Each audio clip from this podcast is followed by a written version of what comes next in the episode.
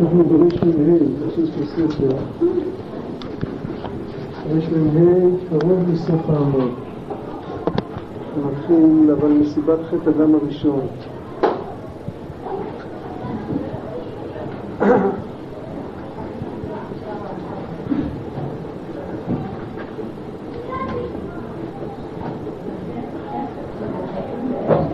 הוא הזכיר כאן את פיתויי היצר הרע בתור דבר שחיצוניותו רעה ופנימיותו טוב. זאת אומרת, הכוונה היא לתועלת האדם שיתגבר עליו. זה מה שלמדנו. זה פשוט. במקומות אחרים הוא מבאר יותר. יש איזה... שזה דבר לא טוב, כל אחד יודע, שפיתוי היצר הוא לא טוב, הוא לא טוב כי לפעמים נכשלים. זאת אומרת, לעולם אל יעליך גם במקום סכנה. זה לא דבר שצריך לחפש את זה, את פיתוי היצר. איך שזה נמצא, צריך להסתלק משם. אבל בכל אופן, מה כן טוב בזה? אז מה שטוב בזה, אז יש שני דברים. מה שרע בזה זה דבר אחד, מה שטוב בזה זה שני דברים. זאת אומרת, מה שרע בפיתויי היצר, זה שפיתויי היצר זה הפניית המבט אל הרע. הרע שיש בחוץ. זה מה שרע בזה. אל תפנו אל האלילים, אל תפנו אל הרע. אסור לרע זה גם לא לפנות אל הרע, לא להתעסק איתו. בפרט כשהעצר בא ומפתה לא סתם להפנות את המבט אל הרע, אלא גם להשתתף בו, לחזק אותו. בוודאי שזה גרוע. מצד שני, היצר גם בו בעת, הוא גם מפנה את, ה, את המבט אל הרע שבפנים. אם למשל בן אדם הרבה זמן כבר לא נמשך אחרי משהו מסוים, אחרי משהו רע, ופתאום זה חוזר אליו. אז הוא מקבל עכשיו מסר, אתה עדיין לא צדיק. יש לך עוד משהו לעשות, יש לך עוד משהו לטפל בפנים. עוד לא הוצאת את, את הקוץ עם השורש, עוד נמצא. הדבר הזה כשלעצמו, אם הוא לא מדכא ולא מייאש, הוא טוב. זה האמת.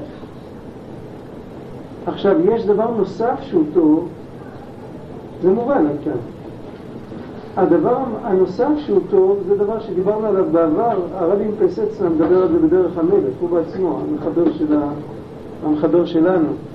הוא מדבר על זה בדרך המלך, הוא אומר בשם הבעל שם טוב, היצר הרע נשלח לאדם כדי להזכיר אותו את השם.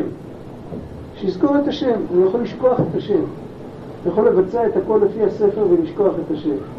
כשבא אליו היצר הרע ומפתה אותו לחטוא, אז כשהוא אומר לא, אז יש לו הזדמנות להיזכר בהשם. ושם הוא מסביר שאם הבן אדם אומר סתם לא, אז הוא עדיין לא נזכר בהשם, הוא רק אומר לא, הוא אומר אסור, אז היצר הרע יגיע אליו עוד פעם ועוד פעם, עד שהוא יגיד לעצמו זה אסור, כי השם אמר שאסור. וכל זמן שיגיד סתם זה אסור, אז היצר לא יעזוב אותו, כי הוא נשלח להזכיר לו את השם יתברך.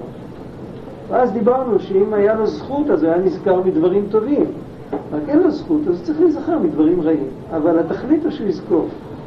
אז יוצא מזה שהקליפה, כמו כל קליפה, הצד הפנימי שלה לפעמים אפשר לאכול אותו. יש, יש משהו טוב בתוך כל העסק, צריך להיזהר מהרע, ואת הטוב צריך לקבל בתור אתגר, בתור משהו שמדרבן. זה, ככה נברא היצר הרע. אבל מה קורה אם הבן אדם תופס את הצד הרע של היצר הרע? יש תפילות, הבן איש חי, הוא כותב בכמה פעמים בתפילות שלו, הוא כותב שתסיר מאיתנו את הצד הרע שביצר הרע. זה הלשון שלו. מה יהיה אם בן אדם הולך אחרי הצד הרע של היצר הרע? אז הוא מחזק את הצד הרע עד שאת הצד הטוב לא רואים. הצד הרע תופס את כל הבמה והצד הטוב איננו. וכשהצד הטוב איננו, אז זה לא מביא אותו להכיר את הרע שבתוך עצמו ולעשות חשבון ולנסות לתקן. זה לא מביא אותו להזכיר את הקדוש ברוך הוא. זה משאיר אותו רק עם הרע. אז זאת אומרת, הפעם הבאה של הפיתוי, אחרי שפעם אחת הוא נכשל ועושה את הרע, בפעם הבאה נקודת ההתחלה שלו היא הרבה יותר נמוכה. הרבה, יש לו הרבה יותר סיכוי, כי עכשיו הוא מקבל כאילו כולו רע. הוא לא מקבל שום, הוא לא מקבל משהו מורכב שאפשר לבחור בעצם מה קרה לי, מה עבר לי עכשיו בראש, בוא נראה מה לעשות עם זה. הוא מקבל משהו אובססיבי שאתה חייב ללכת לעשות, בלי לחשוב. זה כבר מאוד גרוע, זה כבר יצר הרע שעבר שיפוץ, הוא עבר גיזום והשקעה, ועל כל ענף שגזמו צמח ארבע, ושיפצו אותו חד צדדית לכיוון הלא טוב. לעומת זאת, מה קורה אם בן אדם כן מתגבר? איך שלא יהיה, איך שזה לא יהיה, באיזה רמה, אבל הוא מתגבר כשזה מגיע, אז להפך, הוא מגביר את הצד הטוב שביצר הרע. הוא יותר קל לו, בפיתוי הבא, יהיה לו יותר קל לחדור פנימה ולהסתכל על זה ולהגיד, כן, זה בא כדי לעורר אותי, זה בא כדי להזכיר אותי את השם, זה בא כדי לתת לי תמונת ראי של המצב שלי בפנים, אבל זה לא בא באמת כדי שאני אלך ואני אעשה את זה. זה, זה דומה, אתם מכירים את זה, יש אנשים שלא מבינים בדיחות. מכירים את הטיפוסים האלה שלא מבינים בדיחות. זה, זה מין חוסר משהו, איזה מתאם במוח, שהם לא יודעים מתי מתכוונים ברצינות, מתי מתכוונים בצחוק. הבן אדם כשהוא נכשל, אז בפעם הבאה הוא מקבל מין טמטום מהסוג הזה. הוא לא מבין מה רוצים ממנו, הוא חושב שהם מתכוונים ברצינות. וכל ההתנהלות שלנו עם היצר הרע צריכה להיות כמו התנהלות מול בדיחה. מול בדיחה שאומרים אותה, אותה ב... בסבר פנים חמור כזה, כן, הליצנים הכי טובים לא צוחקים כשהם אומרים בדיחות. אז כשבא מישהו ואומר, כן, כן, מה, לא שמעת? הרי ככה. ואז לעשות רגע חושבים, לראות אם זה הגיוני או לא, ולפי זה להתנהל. ברגע שאנחנו פעם אחת נופלים, אז הרבה יותר קשה. כשנופלים פעמיים הרבה עוד יותר קשה. זה בעצם ההשלכה המעשית של מה שראינו. כאן הוא ממשיך, הוא, עכשיו הוא מדבר, הוא מתאר את החלק הרע. הוא לא מדבר עליו הרבה. החלק הטוב הוא דיבר יותר ארוך. מסיבת חטא הדם הראשון, שהוא היה נשמה כללית, אז כולנו היינו חלקים שלו. ומסיבו וחטאי כל איש, החטאים הפרטיים שלנו, שהם באמת רעים. זאת אומרת, המעשה הוא רע. הכוונה של המפתה הוא לטובת האדם שיתגבר, אבל המעשה הוא רע. ההפך מרצון השם. ומסיבות עוד אחרות, האמורים הארי זיכרונו לברכה, אני לא יודע למה הוא מתכוון, נעשית הסטרא אחרא באמת רע. עד והחלק הרע הזה, שהוא משתלט על הכל, שלעתיד הרע הזה שמתווסף בהם, בהם הכוונה בקליפות הרוחניות וביצר הרע, יעביר השם וישחט את חלק היצר הרע הזה, זה שמופיע באגדות חז"ל, זה מופיע בחד גדיה בסוף, ה... בסוף ההגדה בכמה נוסחאות, שבסוף בא, בא הקדוש ברוך הוא ושוחט את מלאך המוות. כן? אז המלאך המוות והיצר הרע זה שני צדדים של אותו מטבע, ככה זה מופיע בדברי חז"ל. אז את מה שוחטים במלאך המוות ואת מה שוחטים ביצר הרע? את החלק הרע שבהם. גם במלאך המוות יש בדיוק את כל השלושת העניינים האלה. מלאך המוות יכול ליצור דיכאון, מלאך המוות יכול לתת לנו פרופורציה על החיים, שזה טוב, ומלאך המוות יכול להזכיר לנו שיום יבוא ונעמוד מול השם ולא כחל וסרק, ככה, פנים אל פנים. החלק הרע של מלאך המוות זה מה שגורם את הדיכאון. את זה הקדוש ברוך הוא שופט. ואותו דבר ביצר הרע. ורק הטוב שבו יתעלה. ולכן הסטרא אחרא והיצר הרע שנתווספו, כל תאוותם להסתיר את אור השם, ולרדוף את האיש הישראל המגלה את אורו יתברך. ולפעמים עושים את מעשיהם בדבר מדברי העולם, ולפעמים על ידי אומה מאומות העולם כנראה, אותו דפוס, חס ושלום, לענות את ישראל, וביותר את עובדי השם, ביותר את עובדי השם, ושונאי ישראל שונאי השם המה.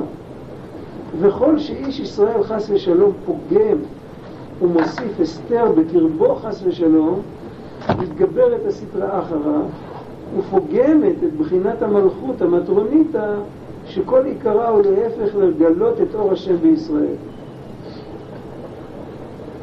אני צריך להסביר קצת יותר, השורש של היצר הרע. מהו השורש? יש לו שורש בכלל. מהו השורש של היצר הרע? לא שמעתי. חטא? אסתר. האסתר, מה השורש של האסתר? מה? השורש של הכל זה מידת הדין. השורש של כל מה שאתם אומרים זה מידת הדין. מה זה מידת הדין? מידת הדין זה לסגור את הדרך בפני האדם עד שהוא לא יוכיח שהוא ברור. זה השורש של היצר הרע. הבדיקה, אם האדם ראוי או לא, זה בוא, בוא נעביר אותך ניסיון ממשי. מה, אתה בתיאוריה אתה טוב, אתה יודע שזה ככה וככה. למדנו פעם על המרגלים, הם רצו להישאר בתיאוריה. למה להיכנס לארץ ולהתנסות עם, עם, עם מסחר ועם חקלאות ועם כל זה? יושבים במדבר, יש כולל גדול של משה רבנו, עם ענני כבוד, ולא חסר שם שום דבר. מה... כל העניין, ועל אותו משקל אפשר גם להשאיר את הנשמה בגן עדן, ולא להוריד אותה לעולם הזה. על כורחך אתה חי, ועל כורחך אתה יוצא מהמדבר, ואתה נכנס לארץ ישראל, ועל כורחך אתה מקבל אה, בחלל השמאלי יצר הרע וכל זה, וזה הכל בשביל לבדוק את הבן אדם, לנסות אותו, זה ניסיונות. כל הנושא של ניסיונות בא מצד מידת הדין. אבל אנחנו יודעים שבמידת הדין יש עומק שאין במידת החסד. הדין, הגבורה, זה שיא האהבה. אם, אם אני כל כך אוהב אותך, שאני מסוגל לרחק אותך לטובתך, סימן שאני באמת אוהב אותך. שאני לא אוהב אותך בשביל לקבל ממך חיוך חזרה. אם אני אוהב אותך רק כדי שתאהב אותי, אז כשאני ארגיש שטוב לי לרחק אותך, אני לא אעשה את זה, כי אתה תשנא אותי, אז מה אני צריך את זה? כשאהבה מתלבשת במידת הדין, היא האהבה הכי עמוקה שיש. חוסך שבטו, שונא בנו ושחררו אוהבו מוסר. לילד של השכן אף פעם לא ניתן סטירת לחם. מה שהוא לא יעשה, לילד שלנו לפעמים אנחנו נותנים. ממילא, את אשר יאהב השם יכריח. ממילא מה יוצא? יוצא שהדין הזה, שהוא באופן רשמי, הוא ריחוק. והוא בדיקה, והוא לא נותן לכל אחד לגשת אל הקודש. הוא כאילו, בוא נראה אותך. איך כתוב שם בסיפור של המלך וקיסר, הקיסר אומר למלך, נו, תשלח את הבן שלך, בוא נראה אם הוא יכול לנהל, אם הוא יכול אה, לנהל את המדינה. ניתן לו ניירות ונבדוק אותו. ואם לא, הוא לא יקבל את הבת שלי, למרות שהבטחתי, אבל, אבל לא, מה אני אתן? אני אתן אותה למישהו מהרחוב, לארכי פרחי? זה מידת הדין. ומידת הדין הזאת, הביטוי הכי נמוך שלה זה הניסיונות שיש לאדם בעולם הזה. יש לה עוד ביטוי שזה הקטרוג של אומות העולם. ממתי התחיל הקטרוג של אומות העולם? מסיני. למה נקרא שמו סיני? שירדה שנאה לישראל. והקטרוג של אומות העולם משתלשל מקטרוג המלאכים. הם קטרגו לפני מתן תורה, והם מקטרגים אחרי מתן תורה. כל עם יש לו מלאך למעלה. אז כל קטרוג של כל מלאך מתבטא בקטרוג של, של אומה ולשון. עכשיו, המטרה של כל זה, זה אדרבה, זה לגלות את הכוחות הפנימיים, הכי פנימיים, לגלות את המסירות נפש, לקרב את היהודים בקירוב הכי גדול שיכול להיות. אבל איך שזה נראה בחיצוניות, זאת אומרת, מה המלאך כשהוא מקטרג, הוא לא יודע שהוא מקטרג לטובה. הוא מקטרג עם כל הלב, אם הוא ידע שהוא מקטרג לטובה, הוא לא יכול לקטרג. איזה טעם יהיה לקטרוג שלו. היצר הרע, כשהוא בא לפתות, אז הוא מפתה עם כל הלב. השורש שלו למעלה, במידת הדין, יודע שזה לא נכון. אבל הוא בעצמו לא מרגיש. זה שכתוב, שטן ופנינה לשם שמיים נתכוונו, ובחסידות כתוב שזה השורש למעלה. השורש של השטן שקטרג על איוב. השורש התכוון לטובה. אבל השטן היה שטן, שטן כפשוטו. למרות ששם כתוב לטובה, זה לא היה לטובת איוב בכלל, אבל זה לא נפקא מינה. ההתלבשות האחרונה, תמיד זה מתלבש במשהו שבתודעה שלו מחפש את הרע. על עמך יערימו סוד, כי הנה אויביך השם, איך כתוב שם? אויביך יאמיים על עמך יערימו סוד ויצייצו על צפוניך. הם מתייעצים על צפוניך, שהצפונות יישארו צפונות, הם לא רוצים שיתגלו שיתגלה, גילוי אלוקות בעולם. והיהודי מרגיז אותם, היהודי מגלה את הקדוש ברוך הוא. יהודי עובר ברחוב אז הם נזכרים שיש אלוקים. הם מאמינים באלוקים, אבל הם לא רוצים שהאלוקים יסתובב להם ברחוב.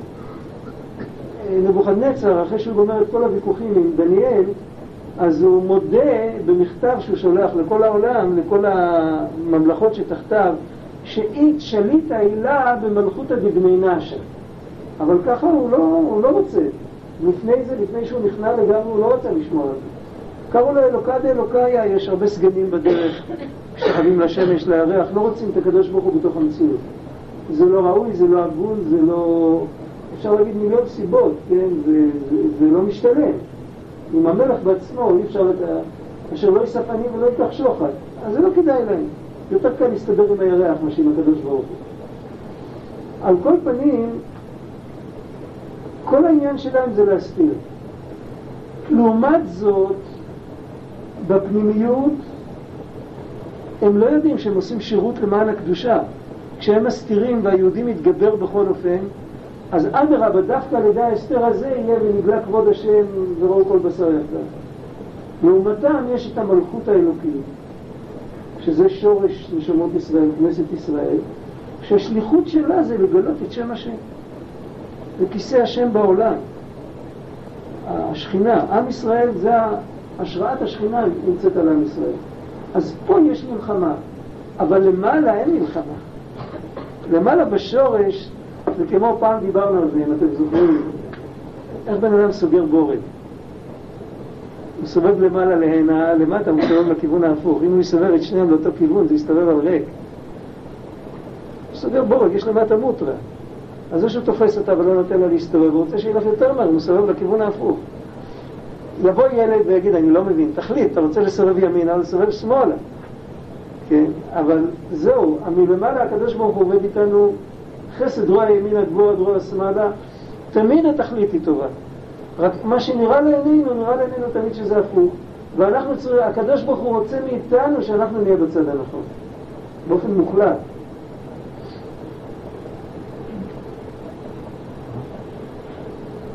מה מערכת היחסים בין הנשמה לבין היצר הטוב?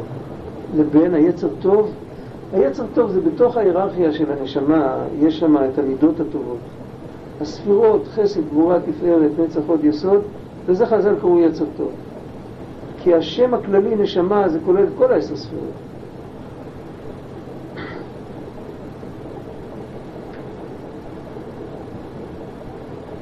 וכל עבודתנו לגלותה או לטהר אותה. את מה לטהר ואת מה לגלות בין חלק המטרונית אשר בקרבנו, הנשמה שלנו, ובין עיקרה אשר במרום, וליחדה בייחוד עליון, ואור השם יתגלה בה ובקרב ישראל, במחשבות ורצוניות ועבודות קדושות. לא קראתי את זה נכון. במחשבות ורצוניות ועבודות קדושות, כולן קדושות, גם המחשבות, גם הרצונות, גם העבודות. וכל ענייני התגלות הקדושה שדיברנו בקונטרס, זה הוא קורא לכל הספר, הוא קורא בשם קונטרס, ולפרקים האחרונים הוא קורא המאמרים הנזכרים לעיל, כולם התגלו בחינת המלכות הם. והיא נקראת מראה בזוהר הקדוש, שכל מראות הקודש וניצוצות עילאיות הנתראות באיש הישראלי ומתעורר על ידן לאהבה, ליראה, לשירה וכולי, כולן בה הן מתראות. כי התגלות קדושת השם בנשמת ישראל באופנים הללו, הן הן מראות הקודש. זה קטע קשה. זה נשמע כמו קטע מאורות, לא מהרבי פלסצנה. אבל, אבל המשמעות היא, עוד פעם, בדרך כלל כשמסבירים שהמלכות נקראת מראה, כמו ראי, אז זה ראי שמכוון כלפי מעלה, לא כלפינו. כלפי הספירות העליונות. המלכות היא כמו הירח, מת לה מגרמה כלום, וכל האורות העליונות מאירים בה, וממנה זה יורד למטה. אז היא סופגת את הכל ומשפיעה. הוא מדבר שהמלכות היא מראה לשני הכיוונים. גם אנחנו, עם כל מה שאנחנו עושים, העשייה שלנו גם משתקפת במלכות. היה, היה באיטליה, רבי אריה דימודינה, זה שכתב את הרים אוהב. תמיד היה לו ויכוח עם המקובלים, הוא היה רב, גיל אדם גדול.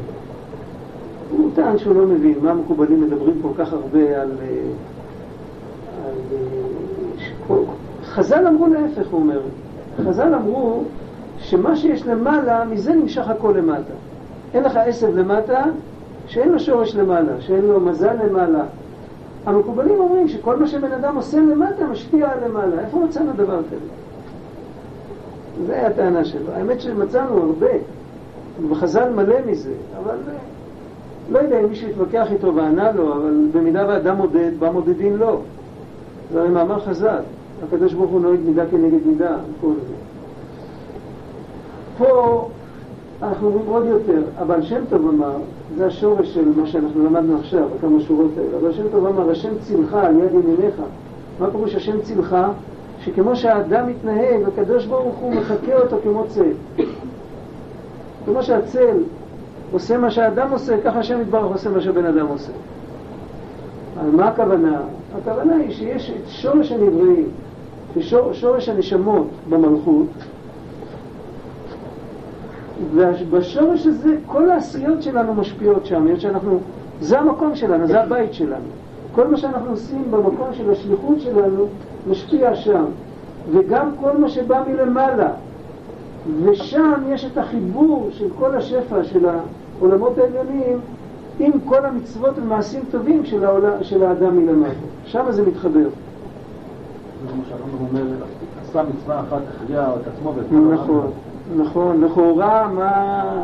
לא מבין, כנראה היה לו שם איזה פשט שזה לא בדיוק כמו... היה נרא... יכול להיות שמה שהיה נראה לו שיש הבדל בין שכר ועונש לבין לחיצת כפתור. הוא קיבל את זה כלחיצת כפתור, אז זה הרגיז אותו. כאילו טכניקה. יש הרבה שעד היום לומדים ככה קבלה. אחרי הבעל שם טוב, אחרי החסידות ואחרי הכל, אבל עדיין נשאר הטכניקה. זה לא טכניקה.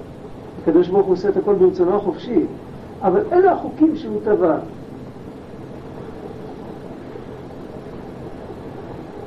והנה בעניין הייחוד נודע שיש גם ייחוד התתה, שהיא התאחדות של בחינת המלכות לעצמה. זאת אומרת, בתוך המלכות כל הפרטים שבתוך המלכות הרי, מה אמרנו קודם? בתוך המלכות משתקפים כל האורות העליונים. אז היא התחנה האחרונה, השורש, לפני שמגיעים לעולמות הנבראים, בואו נסביר את זה יותר. במקום לדבר במילים של קבלה, אני אדבר במילים של בני אדם. הקדוש ברוך הוא בורא את העולם כי הוא רוצה להיות מלך. למה הוא רוצה להיות מלך אנחנו לא יודעים. אבל זאת האמונה שלנו. כתוב שהקדוש ברוך הוא בורא את העולם כדי לגלות רחמנותו, לגלות חסדו, לגלות מלכותו. יש שלוש בחינות. הקדוש ברוך הוא רוצה להיות מלך. עכשיו, אם אנחנו מדברים לפי הביאור הזה, טובו, חסדו, רחמנותו, מלכותו, כל פעם כתוב משהו אחר. בדרך כלל, כל תלמידי הבעל שם טוב בעיקר מדגישים את העניין של לגלות מלכותו. בעיקר. הרמח"ל יותר מדבר על לגלות חסדו, לגלות טובו, להיטיב לברואיו. מה? לגלות ייחודו. לגלות ייחודו ולגלות מלכותו זה לא הבדל כזה גדול. מה? לגלות רחמנות זה כתוב במקום אחד, בכל יתר המקומות בלקוטי מהר"ן כתוב מלכותו. בדרך כלל זוכרים את היוצא מן. ככה הזיכרון שלנו עובד. אבל וגם בלקוטי ההלכות ברוב המקומות הוא מדבר על מלכותו, כי זה הקלאסיקה, ככה זה כנראה, כנראה במקורות הקדומים זה מופיע יותר, יותר פעמים, אני רק מנחש, אני לא יודע, ככה זה נראה לי. אה, כתוב הרבה דברים, מה שכתוב, כתוב, הקדוש ברוך הוא ברא את העולם בשביל שבני אדם יכירו את גדולתו, זה כתוב בזוהר. כתוב במדרש תנחומה, הקדוש ברוך הוא ברא את העולם בשביל להיות לו דירה בתחתונים, זה קרוב לגילוי מלכותו. כתוב בעץ חיים, כתוב שהשם ברא את העולם בשביל לגלות שלמות כוחותיו, שלא יישארו בכוח. כתוב עוד כמה דברים, אני לא זוכר. במדרש רבה על שיר השירים כתוב שוקיו עמודי שש, זה העולם שנשתוקק הקדוש ברוך הוא לברותו. בעל התניא אמר על תשוקה לא שואלים קושיות. זהו. אז, אז, אז הסיכום הוא ככה, אנחנו לא מבינים את זה. למה השם ברא את העולם, השכל שלנו לא יכול להבין, פשוט בגלל שהשכל שלנו הוא חלק מהעולם. בגלל שהשכל שלנו הוא חלק מהעולם, אז הוא לא יכול להבין למה נברא העולם. הוא יכול להבין בתוך העולם, הוא לא יכול להבין מעבר לעולם. זה קודם כל. אבל מה שאמרו לנו, אנחנו צריכים ללמוד. אמרו לנו, זה גילו לנו, חכמינו גילו לנו, שהעולם נברא כדי שהקדוש ברוך הוא רצה להיות מלך ורצה שמלכותו תתגלה בעולם. וזה מסביר הרבה דברים. אנחנו לא יודעים למה זה, אבל זה מסביר הרבה דברים. זה מסביר את הבחירה, כי למלוך צריך מתוך בחירה, לא מתוך כפייה. למלוך מתוך כפייה זה לא מלכות, זה ממשלה, זה, זה רודן, זה לא מלך. מלכותו ברצון קיבלו עליהם. זה מסביר את אפשרות הבחירה, זה מסביר את האפשרות של טוב ורע בעולם וכל זה. ממילא הסיבה האמיתית, הממשית, הקרובה למציאות של העולם, זה המלכות. וגם הסיבה הראשונה למציאות של העולם זה המלכות. רק העולם לא יכול להתנהג רק במלכות, כי אחרת מאיפה יהיה כל מיני חילוקים ואפיונים בין כל כך הרבה נבראים? כל נברא צריך שיהיה לו שורש למעלה. אז הקדוש ברוך הוא גילה מהאינסופיות שלו, הוא גילה כך וכך כוחות, שכל כוח כזה יורד ומשתלשל עד שנהיה למטה משהו. אז אחד נהיה צמח, אחד נהיה בעל חי, אחד נהיה בן אדם, אחד נהיה אוקיינוס, לא משנה מה. אחד נהיה כוכב. בסוף כולם, כולם קיימים, ובתוך, על העולם הזה השם רוצה למלוך. אבל יש תמיד את המלכות בהתחלה, כי המלכות מופיעה בראשית המחשבה. אני רוצה להיות מלך, רק על מה? אז התשובה היא על כך וכך וכך. והמלכות מופיעה, מופיעה בסוף. עכשיו כל הכך וכך האלה בתוך המחשבה, כדי שאני עליהם מלך, הם צריכים לצאת מהכוח אל הפועל, הם צריכים להיברא. זה, זה המלכות בהתחלה, המלכות בסוף. יוצא מזה שבמלכות תמיד יש את הכל. או שיש את הכל בפוטנציה, בשורש, שזה עוד לא מובחן, בהתחלה, בהתחלה, מה שנקרא מלכות באינסוף, או שבמלכות של האצילות, או במלכות של העשייה, אם תרצו, אז יש את הסיכון של הכל שעומד לצאת, כמו ולד שהוא בבטן אמו, והוא כבר בשל להיוולד. זה, זה העניין.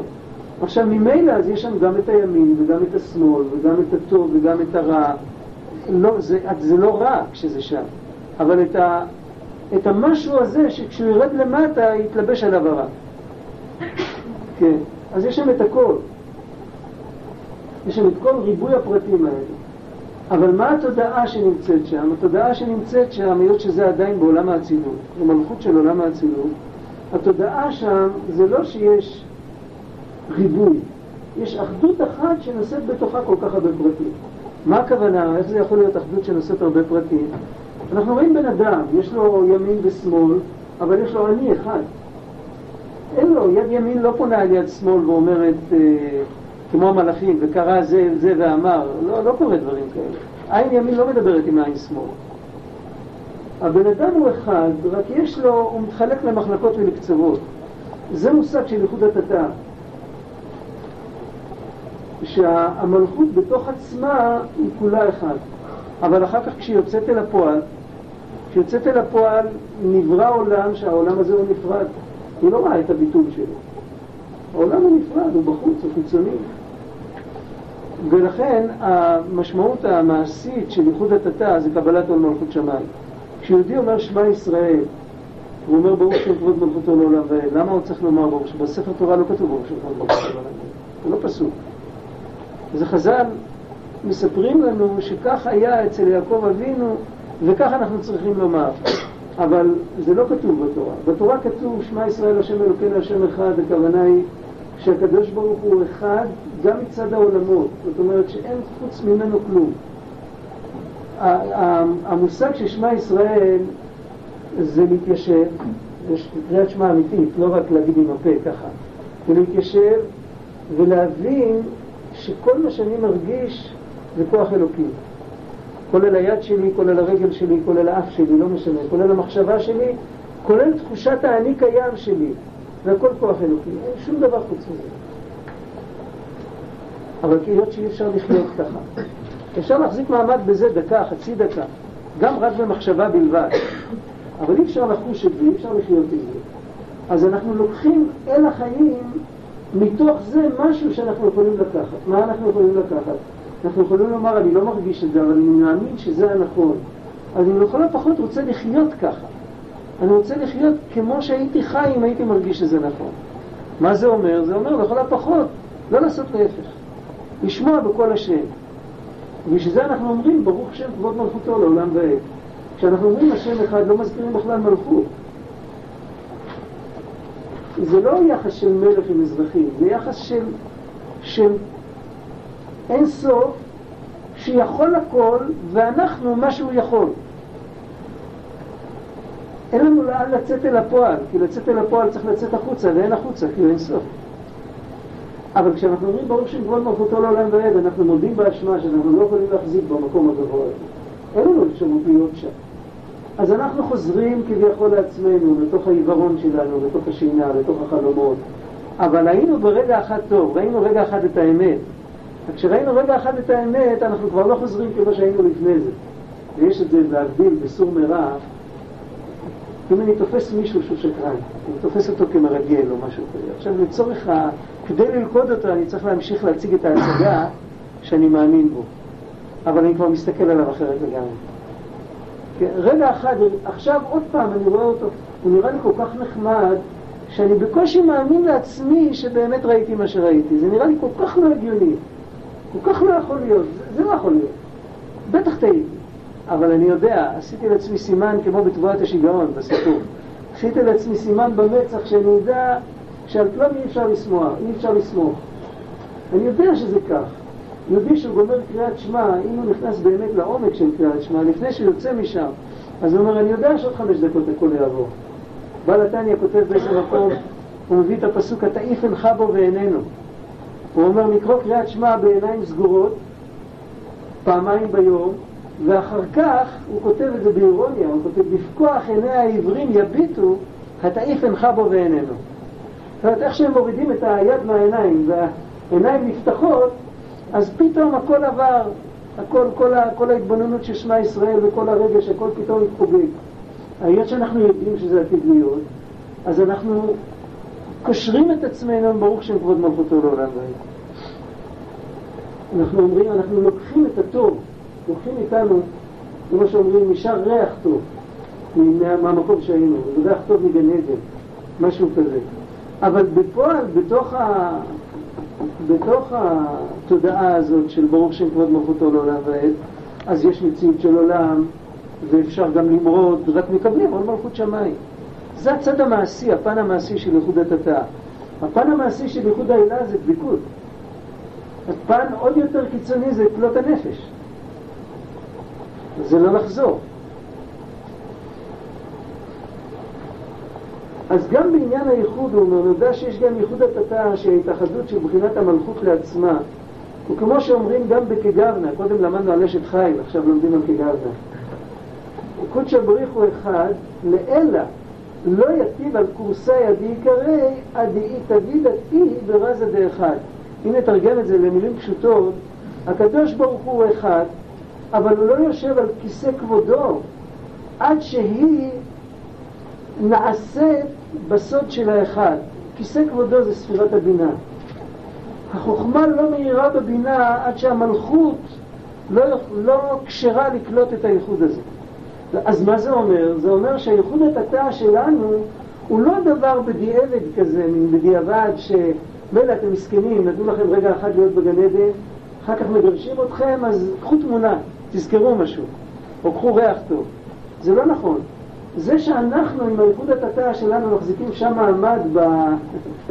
ספרו בגויים את כבודו, למטה, זה מה שפועל את האפשרות שיהיה ייחוד העילה בכל העולמות. המפתח בידיים שלנו. שהקדוש ברוך הוא, מה?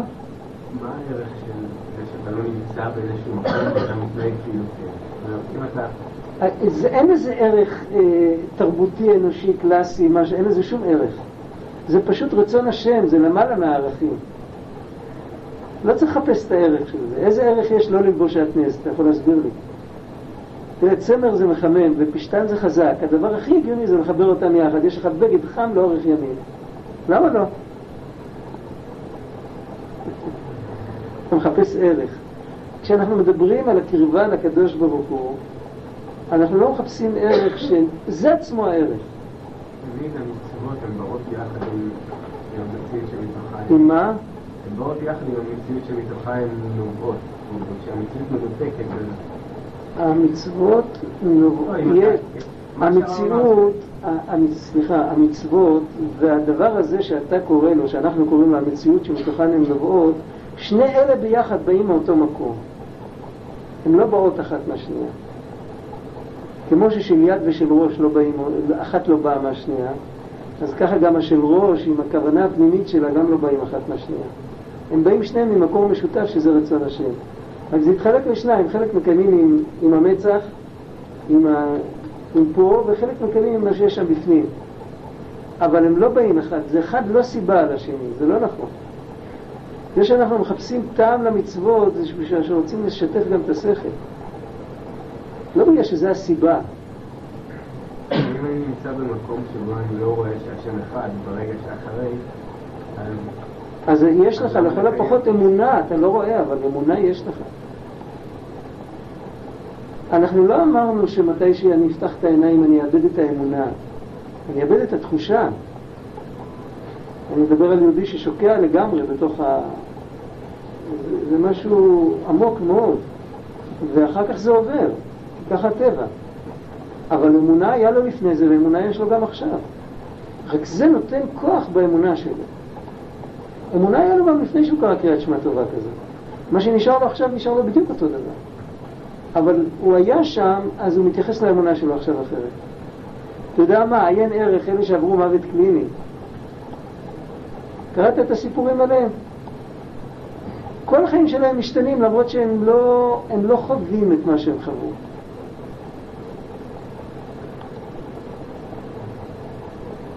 לא צריך לדבר רחוק, אתה יודע, היהודי שנכנס לאיזה צדיק עליון, קדוש, יסוד עולם, מסתכל לו בתוך העיניים. אחר כך זה עובר, אחר כך הוא יכול, אה, איך כתוב שם, אה, רצוח וגנוב ויישבע על שקר, איך כתוב בפסוק, אני כבר לא זוכר. הכל יכול להיות, אבל זה כבר לא אותו דבר. זה, זה, אין לו כבר את הטעם הטוב בזה. רבי נחמן אמר, דבר אחד קלקלתי לכם, הוא אמר, אם תלכו לעשות עבירות, אז יהיה בלי ידיים ובלי רגליים, לא, חשק כבר לא יהיה לכם. תמיד, תמיד זה ישגע אתכם. יש בחינה כזאת. זה נקרא רשימו, שנשאר איזה רושם מדבר יותר עליון. מה אתה רצית? מה? בזה שאתה... אה, זה לא... בזה שאתה מכניס את ה... נכנס לאיזושהי תודעה מסוימת שאתה לא נמצא ואתה לא מרגיש שאתה משקר לעצמך? לא, לא, מה פתאום. אתה... יש... איך הזיכרון שלנו עובד? כשאנחנו שוכחים משהו, אבל אנחנו זוכרים שהוא היה. אז אנחנו לא שכחנו אותו, אנחנו רק לא יכולים לחיות אותו עוד פעם. אבל אני לוקח אותו בחשבון. זה בהנחה, זה בהנחה שאולי הייתה לך חוויה של השם אבל אם אתה בכל קריאת שמע מנסה להיכנס אחד, וגם הצלחת לחוות את זה, למה הצלחת להיכנס לזה רגע אחד, אבל אתה לא באמת נמצא שם, אתה לא באמת, אולי אתה מאמין. בסדר, אוקיי, אז אחד שלא באמת נמצא שם, אז הוא צריך לדעת שהוא עדיין לא באמת נמצא שם, אז הוא ינסה עוד פעם. אבל לא על אחד כזה דיברנו.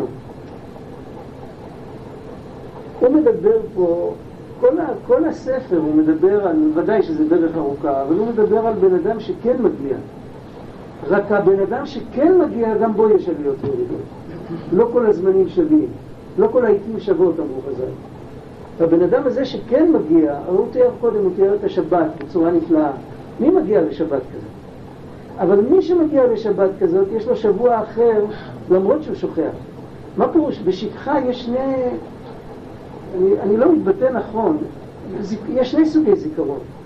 מישהו סיפר, אני סיפרתי את זה פעם, מישהו סיפר שפעם הוא הלך עם אבא שלו באירופה, איפה שהיה פעם איזה משהו, היה איזה כוכב שביט גדול ב... שניסר את השמיים. הוא הלך עם אבא שלו לראות, הוא היה ילד בן עשר, אני יודע, אז פתאום אבא שלו נותן לו סטירת לחם. אז הוא שואל, אבא, מה עשיתי? אז הוא אומר, את הסטירה אני נותן לך כדי שתזכור את מה שאתה רואה עכשיו כל החיים שלך.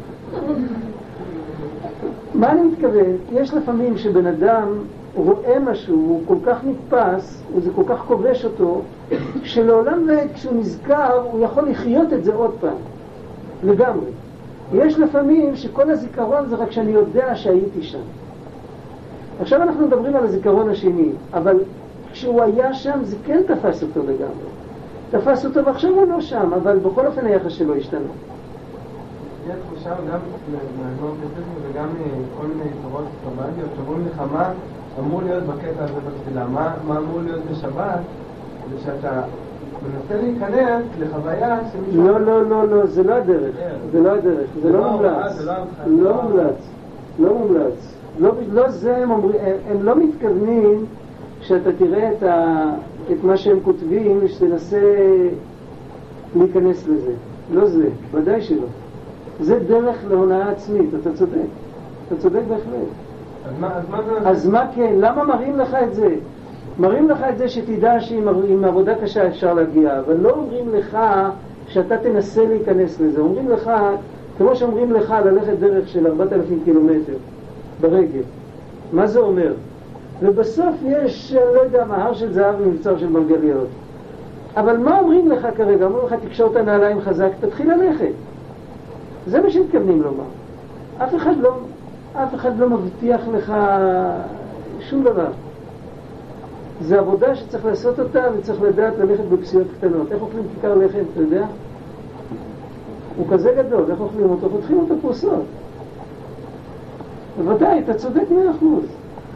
להבין ככה, אז אתה צודק, אז, אז מוטב היה לא לכתוב את זה. זה מתכון ברור להונאה עצמית.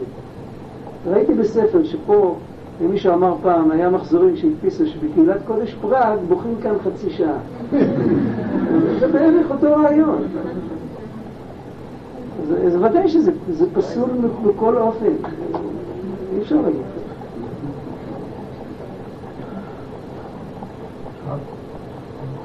לכאורה היינו צריכים את ההסבר הזה להגיד שמע ישראל בלחש, וזה לא שקורה. נכון, נכון, נכון, זו שאלה יפה. נכון, נכון. את. שמע ישראל אנחנו בקושי, אם אנחנו בשמע ישראל באמת, אז כמה, איזה כוח נשאר לך לצעוק? בברוך שם אתה יכול להגיד כן, אני מקבל על עצמי עוד מלכות שמיים. זו שאלה יפה, אני לא יודע תשובה. צריך לחשוב על זה. יש איזו תשובה, זה עומד בקצה באיזשהו מקום, אבל אתה יודע תשובה. לא. תגיד לו. נראה לי שהתשובה היא היא בדיוק בגלל שאפשר לחשוב קושייה הפוכה. הרי מתי אנחנו צריכים למשל ללמוד את הדין יחיד?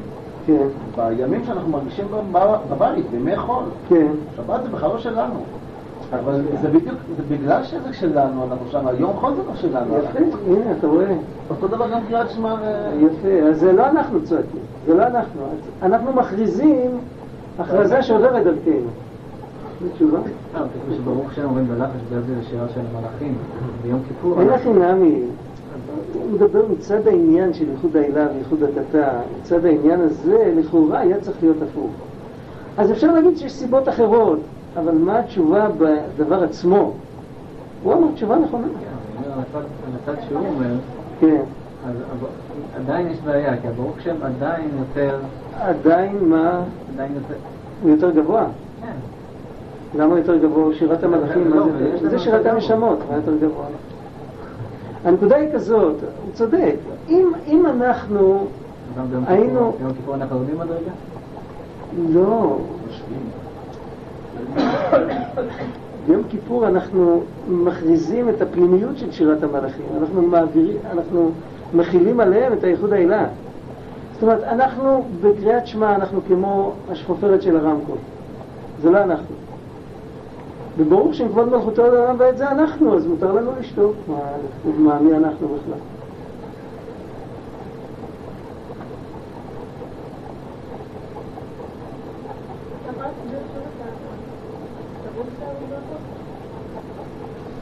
אנחנו לא קוראים קריאת שמע בקול בגלל שאנחנו חזקים ומרעישים. בגלל שקריאת שמע צריכה להיאמר בקול, אז אנחנו מתנדבים שזה יעבור דרכנו. זה לא אומר שאנחנו, זה לא הכוח שלנו. זה על דרך כמו שכינה מדברת בתוך גרונו של משה. זה צינור. זה, זאת אומרת, מה נפשך? אם אנחנו לא במדרגה הזאת, אז אין בעיה. אם אנחנו במדרגה הזאת, אז זה מה שקורה. זה ברור. אז בואו נראה עכשיו, הייחוד התחתון, הייחוד שלנו, הייחוד הנמוך שלנו, אז הוא פועל למעלה שהקדוש ברוך הוא מתגלה בעולם העליון, שהקדוש ברוך הוא לא מתגלה על הבחינת נשמת ישראל במרום, שהוא בחינת המרכבה והכיסא שלו, שבה מלכותו יתברך מתגלה, שם, במלכות של עולם האצילות, בשורש נשמות ישראל, בנשמת האומה, אין גילוי אלוקות עד שנעשית היא בעצמה באחדות. ומה זה, קודשא בריך הוא לא שריה באתר פגים, אלא באתר שלים, הקדוש ברוך הוא שורר רק איפה שיש אחדות. האחדות שלי בעצמה היא תלויה באחדות של נשמות ישראל למטה. אם אנחנו מבטלים אה, שנאה וקנאה ותחרות וכל זה, אז ברכנו אבינו כולנו כאחד, ואז גם למעלה נמשך אור גדול. ולא את עניין אחדות הבחינות והקצוות שבבחינת מלכות במרום באנו לפרש בזה, רק את האיש ישראל ועבודתו, בחינת המלכות וחלק נשמתו אשר בו. האמת שיש את הבחינות האלה גם למעלה, אם המלכות היא בהתאחדות של כל הספירות שבה או לא, אבל זה הוא אומר לא נוגע לנו, לא נבין את זה בין כה. מה שנוגע לנו זה אם אנחנו באחדות. והיה כי יבין האיש את עצמו וידע איך לייחדו. יש את הפסוק, רבי נחמן מביא את זה כמה פעמים, אין שלום בעצמיי, מה כתוב שם? מפני חטאתי. אז כשהבן אדם יודע לייחד את כל המחלקות והקצוות שיש בו, את הגוף עם הנשמה, את שני, שני היצרים, לעשות שלום ביניהם, אז בין אם יבין על ידי זה גם את בחינת הייחוד התתא בבחינת מלכות במרום, ובין אם לא יבין, אני קורא אחרי הסוגריים, מכל מקום בעבודתו זו בעולם הזה, באחדות נפשו, את חלקו בייחוד התתא בכנסת ישראל מלכות במרום יגרום ולתקן. וגם על ידי זה, ועל ידי זה גם את הייחוד האלה. יש סיפור, בשביל להבין את זה יותר טוב, יש סיפור על אחד מתלמידיו בעל שם טוב, אני לא זוכר על מי קראתי את זה, שהוא מספר שהוא, בעצמו סיפר שהוא ראה בחלום את הקדוש. והוא שאל אותו למה כל דבריו הוא דיבר רק למעלה, בעולמות. למה הוא לא דיבר איך אדם צריך לתקן את המידות שלו? זה הרי אותו עניין, וכל מידה באדם מושרשת באיזה מקום למעלה. אז הארי הקדוש אמר לו שאם הוא היה נשאר בחיים עוד שנתיים, אז היה גומר לבאר גם את זה. זה הסיפור. עכשיו, בא בעל שם טוב ותלמידיו, והם כיוונו אותנו למקומות כאלה, שאם נעשה עבודות כאלה וכאלה, אז אנחנו נהיה כמו המכוונים בקבלה. מי שמכיר את המושג הזה, מכוונים, אלה שמתפללים בסידור הרשש. הם מכוונים את כוונות האריזל, איך שהכוונות האלה בעולמות עליונים. אנחנו לא ראויים לכוון בו איך שזה בעולם העליון, אבל מה שמייצג את אותם עניינים בתוך, ה... בתוך האישיות שלנו, אם אנחנו שם עושים את התיקון, אז אפילו אם אין לנו מושג מה שקורה למעלה, זה בדרך ממילא מתקן גם למעלה. וכשנהיה מתוקן למעלה, אז קודם כל נהיה מתוקן למעלה בכללות, בעולם, בישראל, אבל זה גם נעשה מתוקן בנפש שלנו. אנחנו עושים חלק, והקדוש ברוך הוא לקל גומר עליי, אקרא לאלוקים עליון, לקל גומר עליי, הקדוש ברוך הוא גומר את זה בשלמות. ושזה אומר כאן, שאפילו אם אנחנו אין לנו מושג מה זה, לא מה ייחוד העילה ולא מה ייחוד התתא, ואנחנו לא מבינים ארמית בכלל, וזה בכלל לא מדבר אלינו. אבל יהודי צריך לדעת שני דברים, שתי אחדויות, ששניהם מכוונים כנגד ייחוד התתא. שתי האחדויות האלה זה אחדות בתוך עצמו עם עצמו, וזה לימוד גדול. חלק, אה, חלק נכבד מהחיים שלנו אנחנו מבלים על כל מיני קונפליקטים ואי השלמה בתוך עצמנו עם עצמנו, וזה הכל בגלל שאין לנו ראייה בהשגחה פרטית, ואין לנו, חסר לנו השכל הזה שדיברנו עליו קודם, כשסוגרים בורג. כשסוגרים בורג אז הולכים מיד אחת לעינה ומיד השנייה לכיוון ההפוך. אז, אז השכל הזה חסר לנו, אז אנחנו כל הזמן מלקים את עצמנו על כל מיני דברים. וזה קודם כל. ואדרבה, לתת לנשמה להנהיג ולברר ולזכך את הנפש הבעמית ואת הגוף. זה שלום אמיתי. למה זה שלום אמיתי? כי הפנימיות של הנפש הבעמית היא טובה. אז כשמוליכים אותה בדרך טובה זה שלום שיש לו קיום, מגלים, מגבירים את הפנימיות על החיצוניות. והאחדות השנייה זה אחדות בין חברים. כל ישראל חברים.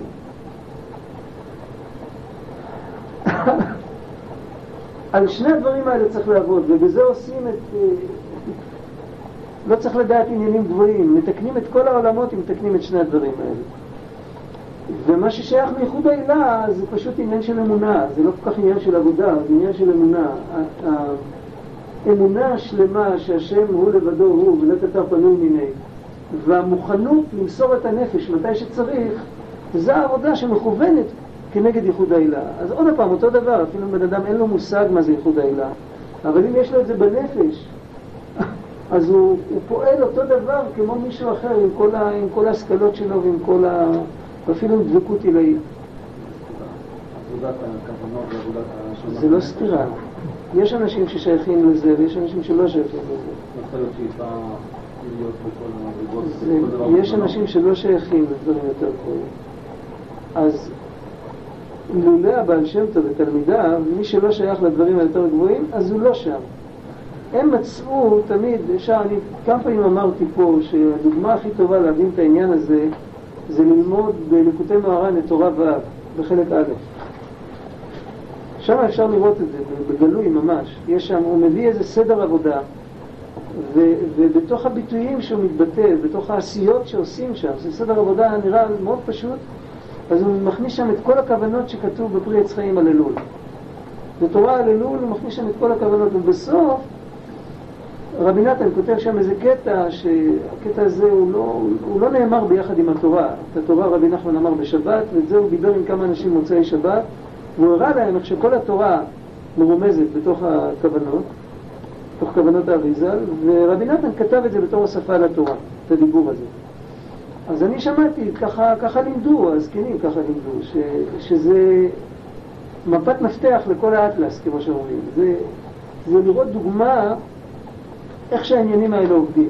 שבן אדם עושה עבודה פשוטה, אבל אם הוא עושה אותה בלב, בלב טהור, והצדיק שנתן את העבודה הזאת, הוא כבר דאג שזה יהיה מכוון לגמרי, לה, ואני לא צריך לדעת. עכשיו, זה לא, זה לא רע אם אני כן יודע. זה בסדר גמור אם אני יודע, אבל, אבל גם אם אני לא יודע, אני אוחז באותו מקום.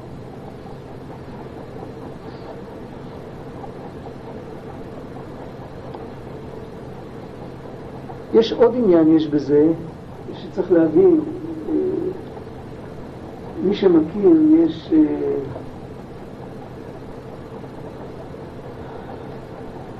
אני מתייחס לשורה הזאת שהוא אומר, אה, בין אם יבין, בין אם לא יבין, יש, ב, יש ספר שנקרא שערי הייחוד והאמונה.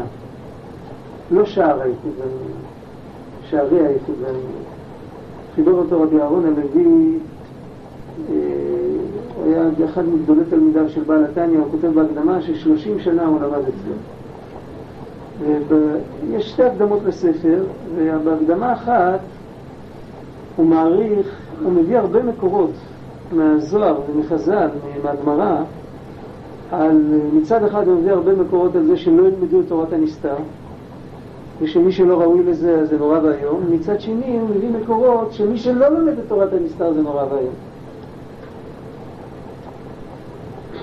ובסוף הוא מגיע למסקנה שיש שני סוגים בתורת הנסתר. יש את הלימוד הפשוט, שיש ארבע עולמות ועשר ספירות וכל, זה מה שמובא אפילו, עשר ספירות מובא אפילו במשנה כן?